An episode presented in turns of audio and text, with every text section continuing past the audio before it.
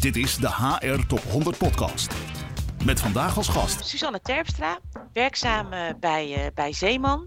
Uh, ik ben al 6,5 jaar werkzaam inmiddels bij Zeeman. Mm -hmm. wij zijn een textiel super, um, een retailketen die textiel verkoopt.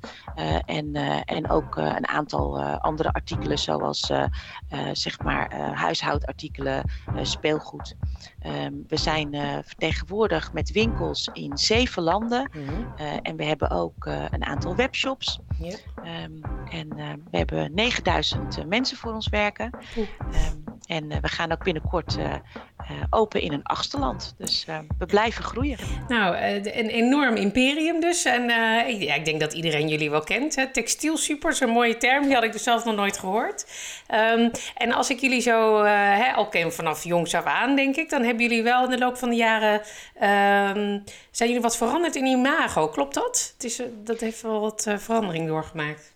Ja, we zijn inderdaad, uh, we bestaan al zo'n 55 jaar in Nederland. Um, en uh, het, het, is, het imago van Zeeman um, heeft ook een stukje met historie te maken. Hè. We zijn um, op dit moment denk ik zes jaar open in, uh, in Spanje.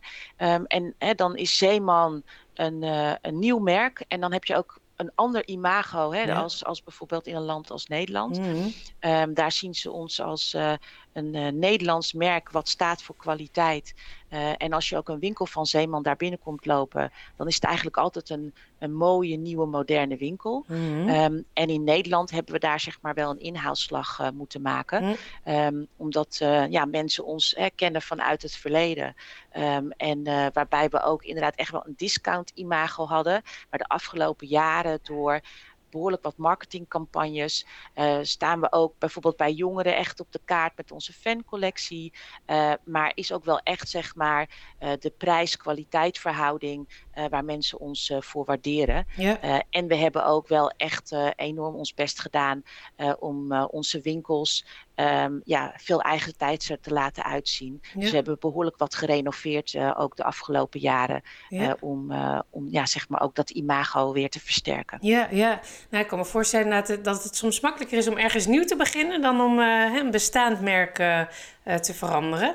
En misschien leuk om meteen het bruggetje te maken naar HR. Hè? Want wat, wat zie je van, dat, van die verandering terug in de arbeidsmarkt? Zeg maar? Heeft dat ook geholpen bijvoorbeeld in het werven van mensen? Ja, als, uh, als je zeg maar een, uh, een, een, goede naamsbekendheid hebt of een, hè, een, je wordt gewaardeerd als merk, dan helpt dat zeker om, uh, om personeel te werven. Um, misschien hè, de andere kant van de medaille. Um, we zijn bijvoorbeeld in Frankrijk, zitten we in gebieden waar we heel erg verspreid zitten. En dan merk je juist dat je um, wel bekend bent als een lokale ondernemer bijna, een winkel, maar niet als merk. Ja. En dan uh, is het veel lastiger om, uh, om personeel uh, te werven. Dus het helpt enorm. Ja, ja, nou, kan ik me voorstellen. En um, wat zien jullie verder gebeuren in de wereld? Wat, wat zeg maar zijn invloed heeft op jullie organisatie? Uh, ja, er zijn eigenlijk drie um, enorme um, nou, zeg maar, uh, aandachtspunten die mm -hmm. ons uh, beïnvloeden. Dat is de enorme inflatie, klimaatverandering en toch ook wel die krapte op de arbeidsmarkt. Mm -hmm. um, en als ik dan even kijk naar de inflatie, mm -hmm. dat heeft niet alleen effecten op onze mensen, maar ook echt op onze klanten. Hè, onze klanten hebben vaak ook een wat kleinere portemonnee. Ja. en wij vinden echt dat zij ook nog steeds bij ons moeten kunnen blijven kopen. Ja. Uh, wat betekent dat onze prijzen niet te ver mogen stijgen. Mm. Uh, maar omdat onze mensen hè, ook last hebben van die inflatie. Uh, en um, hè, bijvoorbeeld, hè, er zijn nu ook minimumloonstijgingen van 10% in Nederland. In België ken je een speelindex, waardoor er ook behoorlijk wat loonstijgingen te verwachten zijn weer volgend jaar. Mm. We moeten uiteindelijk door loonstijgingen, maar ook uh, stijgingen van grondstofprijzen, transport, energie, moeten we gewoon die prijzen verhogen. Mm. Dat is echt historisch voor Zeeman. Dus wij moeten echt proberen die balans te vinden tussen um, ja, hoe kunnen we die prijzen zo min mogelijk laten stijgen, maar toch ook wel uiteindelijk de kosten die stijgen, uh, hoe, hoe kunnen we die toch ook uh, zeg maar dekken? Ja, ja nou, dat lijkt me inderdaad een enorm dilemma. En vanuit de HR-kant zit het natuurlijk veel ook op kosten, personeelskosten, hè, die ook uh, wellicht moeten meestijgen. Of je gaf er natuurlijk ja. al iets over aan. Ja, nou, het is natuurlijk zo dat, uh, hè, dat we ook uh, binnen de cao's wel behoorlijk wat stijgingen nu krijgen van de lonen. Maar het is natuurlijk ook zo dat onze mensen vaak kosten moeten maken hè, om naar het werk te komen. Ja. Uh, denk aan reiskosten. daar zijn we wel echt over aan het nadenken van hoe kunnen we dat compenseren. Hè, zodat je uiteindelijk ook uh, nou ja, niet extra geld kwijt bent om te kunnen werken. Ja. Uh, we denken ook, omdat toch ook wel hè, onze mensen echt geraakt worden uh, en soms echt in financiële problemen komen, of we niet iets kunnen met een soort noodfonds. Er zitten heel veel haken en ogen aan, maar het zijn wel de dingen waar we echt naar kijken, omdat we vinden dat we als familiebedrijf ook echt wel um, iets moeten doen voor onze mensen. Ja, ja dus daar wordt dat krijgt veel aandacht, zoals ik dat hoor. En dat uh, kan ik me goed voorstellen, dat dat echt de breinbrekers zijn. En je noemde ook klimaat hè, als, als tweede. Ja, ja het, het, mooie is natuurlijk, hè, wat een mooie warme zomer. En uh, ja, dat vind ik dan uh, als uh, persoon heel plezierig. Maar mm. dan denk ik ook gelijk, ja, wat, zit, uh, wat, nou ja, wat is de andere kant van de medaille? Ja. Um, en ja, dat zie je eigenlijk. Hè. Het levert vooral ook heel veel droogte op. En ook onze leveranciers hebben daar last van. Denk aan de overstromingen recent in Pakistan. maar we hebben ook meegemaakt dat in China, doordat er um, onvoldoende regen was, hè, waar zij elektra opwekken door stuwmeren, dat er dan ook te weinig energie is. Dus het, het levert gewoon echt heel veel problemen op. En wij mm. proberen ook op verschillende manieren uh, om, uh, om eraan bij te dragen om die klimaatverandering uh, te keren. Ja. dat is bijvoorbeeld duurzaam produceren. Ja. En zo is het ons gelukt om in 2021 39% van onze kleding- en textielcollectie te laten bestaan uit duurzame materialen. Ja. Maar ook circulariteit gaat steeds meer een rol spelen in onze strategie. Um, en een belangrijke stap daarin is geweest ook dat we in 2021 een samenwerking uh, hebben opgezet met het Goed. Uh, het Goed uh, is een, een, bedrijf dat kleding inzamelt en zeg maar sorteert en dan opnieuw verkoopt. Mm. En wij zijn met een pilot begonnen in zes Nederlandse winkels en nu ook in een aantal Belgische winkels, waarin we die kleding verkopen. En in um, alle winkels in Nederland kun je het ook al uh, zeg maar inleveren. Dus dan zamelen wij het in ja. en zij controleren het, sorteren het en dan krijgt het een tweede leven. Ja, um, en, en wij nemen dus ook nog wel uh, wat af voor onze eigen winkels. En wij kijken dus of het voor ons ook rendabel te krijgen is uh, om zeg maar die kleding dan weer tweedehands te verkopen. Ja, mooi. Nou, ik ben heel benieuwd. Dat klinkt heel goed. En de ja. derde is arbeidsmarkten, zei je. Nog even, we hebben niet zoveel tijd meer, maar even kort. Wat ja. kom je daarvan tegen? Nou ja, het is een hele lastige arbeidsmarkt. En uh, jongere medewerkers, uh, dat weten we allemaal, wisselen al makkelijk van baan. En wij hebben best wel heel veel jongeren bij ons werken. Uh, daardoor is het verloop in retail ook enorm hoog. Hè. Bij ons is dat ook 45 procent. Um, en wij hebben gewoon echt gemerkt dat we uh, in deze zomerperiode, met name in Nederland en Duitsland, af en toe zeg, zelfs winkels uh, gewoon nou ja, later hebben moeten openen, eerder hebben moeten sluiten of zelfs een hele dag hebben moeten sluiten. Ja. dus ja, het levert ons wel echt problemen op. Ja. En ook in ons distributiecentrum uh, daar werken we overigens ook wel hè, in bepaalde periodes veel met uitzendkrachten, maar ook die uh, zijn zeg maar op dit moment heel erg schaars. Daar moeten we ook echt ja, concurreren met zoveel bedrijven uit de omgeving dat, uh, ja, dat het gewoon heel lastig is op dit moment. Ja. En die, die, al die veranderingen die we net bespraken, of al die thema's zoals inflatie, klimaat en met name ook arbeidsmarktkrapte. Als ik dat probeer te rijmen met een, uh, met een groeiambitie, dan denk ik, poeh, is dat, uh, is dat wel te doen? Um, nou, we hebben op dit moment uh, een enorme uh, transitieagenda. Uh, mm -hmm. um, er zijn echt de komende jaren een aantal grote investeringen die we echt moeten doen om ervoor te zorgen dat we aan de klantvraag kunnen voldoen. Mm -hmm. um, en dat, hè, dat is omdat we expanderen met winkels, dat is omdat we online groeien. en uiteindelijk hè, de manier waarop we dan zeg maar vormgeven uh, aan die uh, veranderingen. Dat doen we vaak met behulp uh, van technologische ontwikkelingen. Ja. en uiteindelijk betekent het dan dat je ook wel je processen efficiënter kan doen. Ja. Dus ja, om te kunnen groeien, zullen we uiteindelijk ook die transitieagenda nodig hebben om ja, zaken efficiënter te kunnen doen. Mm, ja, en, en wat voor soort dingen kunnen we dan aan denken? Heb je een voorbeeld? Ja, Um, we zijn bijvoorbeeld op dit moment uh, bezig met uh, een mechanisatieproject in ons mm -hmm. distributiecentrum.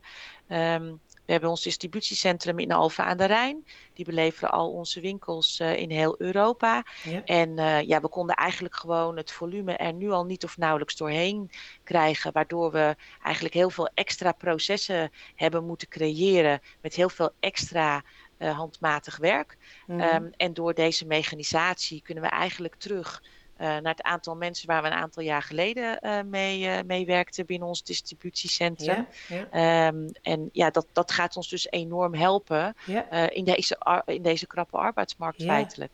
En, en wat betekent dat voor de mensen? Is het, verandert de aard van hun werk ook daardoor? Ja, Um, er wordt veel minder handmatig uh, werk verricht in het distributiecentrum. Als voorbeeld, uh, voorheen stonden mensen aan een soort lopende band de karren te vullen die naar onze winkels gingen. En nu ja, wordt dat begeleid door, door een robot. En is er ook een, een echt een, een robotkarretje, wat dan uiteindelijk de, de kar brengt naar, naar de vrachtauto. Dus er zitten veel meer um, nou ja, zeg maar procesmatige rollen nu in, in, in het distributiecentrum dan voorheen. Ja, en als ik dat zo hoor, dan denk ik dat vraagt heel veel verandering van de mensen. Hè? Misschien ook wel van, van de leidinggevende. Zou je daar iets over kunnen zeggen? Ja, um, ja omdat inderdaad hè, het hele change-stuk um, zo belangrijk is uh, en echt de begeleiding vraagt van de leidinggevende. Uh, en dan met name hè, van uh, de nieuwe werkwijze, um, maar ook hè, de processen veranderen. hebben we in het distributiecentrum besloten om uh, de teamlead die we voorheen hadden, uh, feitelijk te splitsen in wat ze noemen het hart en het hoofd. Ja. uh, het hoofd zijn hè, die procesmatige rollen waar ik het net over had. Mm -hmm. Dus dat zijn aparte rollen die we hebben gecreëerd, opdat de leidinggevende veel meer aandacht kan hebben voor de mens, de begeleiding in het veranderproces en de ontwikkeling van de medewerker. Ja, ja, dus dat vraagt echt een andere vorm van leiderschap. Absoluut. Ja, wel bijzonder dat jullie die taak gesplitst hebben. En ik vraag me dan af, zijn het ook andere soorten mensen die die profielen zitten? Zie je daar echt verschil in de hoofd of het hart? Um, ja, uh, dat is toch wel uh, vaak een ander type mens. We zien ook hè, uh, gelukkig dat er een aantal mensen die voorheen teamlead waren, ook wel kunnen doorgroeien naar, naar de nieuwe rol. Ja. Maar we hebben ook wel echt mensen aangenomen die inderdaad passen bij dat, bij dat veranderende profiel. Ja, helder. En als ik dat zo hoor, dan hoor ik er zijn dus enorm veel veranderingen en uh, veel gaande bij jullie uh, intern. En dan, dat roept dan ook de vraag op: zijn er leuke projecten die je kunt uitlichten of zaken waarvan je zegt daar ben ik trots op of dat, daar zijn we mee bezig? Ja, um, nou, we werken eigenlijk al een aantal jaar op basis van onze people-visie samen groeien. Hè, we, we, groeien enorm um, um, door middel van expansie, online, et cetera. Mm. Uh, maar onze mensen moeten ook meegroeien uh, met alle veranderingen die ik uh, net natuurlijk heb aangestipt. Ja. Um, en bij ons ligt HR in de lijn. dus wat we eigenlijk hebben gedaan de afgelopen jaren is de employee journey, maar wij noemen het dan de hele reis van de medewerker uh, bij Zeeman, mm. opnieuw om, uh, ingericht om ervoor te zorgen dat het management eigenlijk zo goed mogelijk wordt ondersteund om de groei van die medewerker mogelijk te maken. Mm. Um, en um, nou ja, als voorbeeld, hè, we hebben uh, ons recruitmentproces, um, hebben we een, een, tool gebruikt, Harvard, misschien dat, dat de luisteraar het kent. Yeah. Is een preselectietool.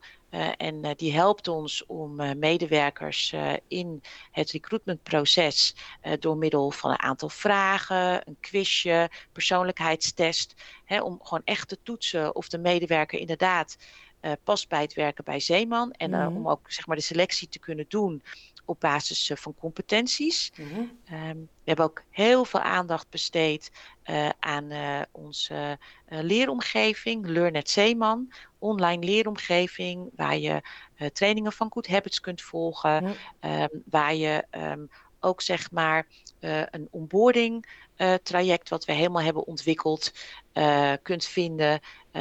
waar je in zes weken eigenlijk nou, ja, het werken bij Zeeman eigen wordt gemaakt in de winkel. Mm -hmm. um, we hebben ook heel veel aandacht uh, voor uh, vitaliteit binnen Zeeman. Ja. Um, want het doel uiteindelijk is om energieke, betrokken en trotse medewerkers te creëren. Mhm. Ehm, en om energiek te zijn, uh, moet er ook uh, in onze ogen veel aandacht zijn voor vitaliteit. Ja.